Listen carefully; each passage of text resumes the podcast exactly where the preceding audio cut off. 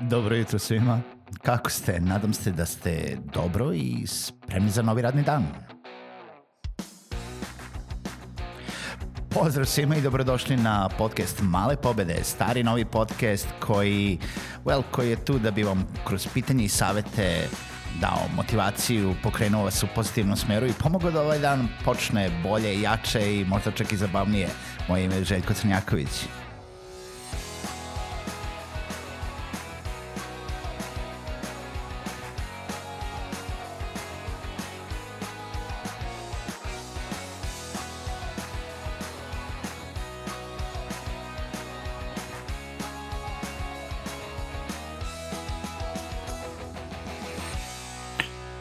Pozdrav svima, dobrodošli u još jednu epizodu podcasta Male pobede.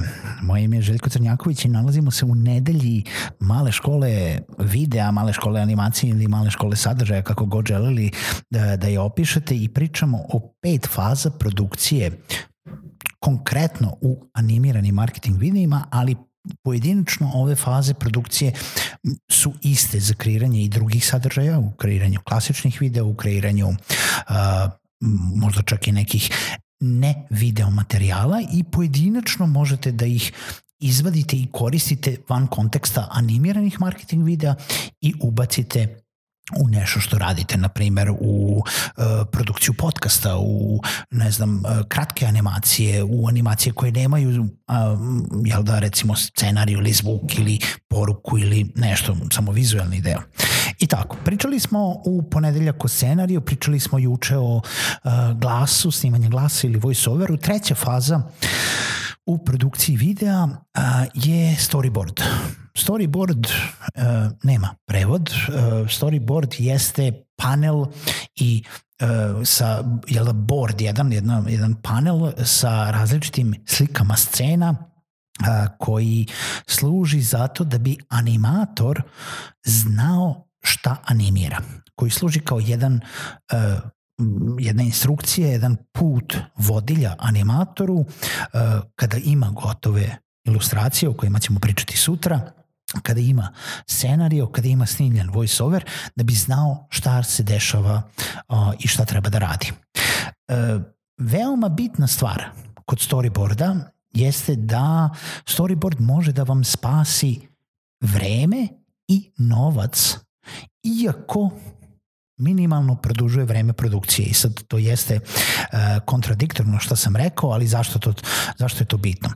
Ukoliko bi direktno otišli u animaciju uh, i nastali bilo koji problemi, znači ne radite vi sami animaciju za sebe, nego imate nekog svog radnika ili neku agenciju koja vam izrađuje video, bilo koja izmena na samoj animaciji, ilustracijama i tako dalje, zahteva puno vremena, zahteva detalje, zahteva uh, vreme izrade, zahteva vreme renderovanja, vreme uploada, da bi se sve to izmenilo, čak i najmanje izmene zahtevaju mnogo više vremena od toga da prvo napravite storyboard, bukvalno što možete na papiru sa olovkom ili na beloj tabli sa markerom ili jel da u računaru, gde vi treba samo da zamislite šta se dešava u bilo kojoj sceni. E sad, ne smemo zaboraviti da smo pre ovoga izradili već scenariju.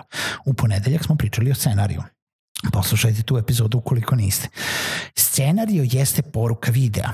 Namerno nismo razmišljali o bilo kojim vizualima ili čak i da jesmo, samo onako odokativno smo razmišljali, ali nas nismo dozvolili da nas oni vode i da nam oni u stvari budu uh, odrednica za to šta ćemo pisati u scenariju. Scenario je odrednica šta ćemo vizualno da predstavimo, jer poruka je najbitnija i onda kako ćemo nju vizualno da predstavimo. Ne, na koji, ne, nije bitno da sad ja želim da imam ovu scenu i šta ću ja da kažem za vreme, ne, nego ja, bitno je šta hoću da kažem i kako ću ja to vizualno da predstavim. Šta je još bitno kod storyboarda? Što mnogo klijenata ne zna. Storyboard nije dizajn videa. Storyboard treba da bude što jednostavniji. On štedi vreme zato što su izmene na njemu veoma jednostavne, a iz njega možete da shvatite lako šta želimo da prikažemo vizualno u bilo kojoj sceni. Izmene su reda veličine, obrisaću gumicom i nacrtaću drugu crticu negde drugde. Zašto, zašto je to tako? Zato što storyboard je efektivan čak i kada je predstavljan kao čičagliše na belom papiru. Naravno da nećete imati čičagliše na videu, ali e, story, u storyboardu je sasvim prihvatljivo da imate umesto dva karaktera dvoje čičagliša. Bitno je kako su oni okrenuti. Bitno je da prikažemo, želimo da ih prikažemo sa leđa ili sa strane ili anfas jel da, iz sa lica. Uh, šta oni rade u sceni? Koji su još elementi u sceni prisutni? Kako se ta scena odvija? Šta se dešava u samoj sceni? Da nacrtamo, mislim, storyboard se radi za velike produkcije, za filmske produkcije, za male videe. Možete da radite storyboard za bilo šta što vizualno treba da predstavite i preporuka da ga radite. Zato što uh, ćete veoma lako shvatiti šta treba da posle radite. Na primer, storyboard možete da radite ukoliko se bavite fotografijom. Ukoliko planirate da imate neko snimanje negde, treba da napravite storyboard sa time da vi već onda tada znate koje kadrove želite da uhvatite. To nije, to, to je instrukcija vama ili vašem snimatelju da zna šta tačno treba da uhvati, jer kako video želite da izgleda. Super je ako uhvati još, bit će pokrivalica, bit će drugih rezervnih kadrova. U animaciji nemamo uh, viška kadrova, viška materijala. U animaciji zato idemo redom, scenario, pa glas, pa storyboard. Storyboard je prva vizualna faza. Način na koji ćemo vizualno predstaviti svaki deo scenarija. I sad, u tom nekom smislu vi treba recimo da uzmete određenu scenu i da ispod nje stavite jedan deo scenarija koji ta scena vizualno predstavlja. Ono što vas molim i na što treba da obratite pažnju, nemojte uzeti jednu scenu, napraviti dvoje čičagliša i staviti pasos teksta ispod toga. Ta jedna scena sa pasosom teksta ili će biti jako dosadna ili neće zapravo predstaviti ceo taj pasos. Zamislite da vi treba da na storyboardu vidite svaku promenu kako čitate vaš scenariju. Zapravo, ne smete ni da stavite ona, u nekom drugom uh, ovaj ekstremu za svaku reč po jednu scenu, zato što će ta scena jako brzo da prođe ispred gledalca i nećete moći da zamislite. Znači, ne trebate ići ni u te ekstreme. Trebate naći pravu meru.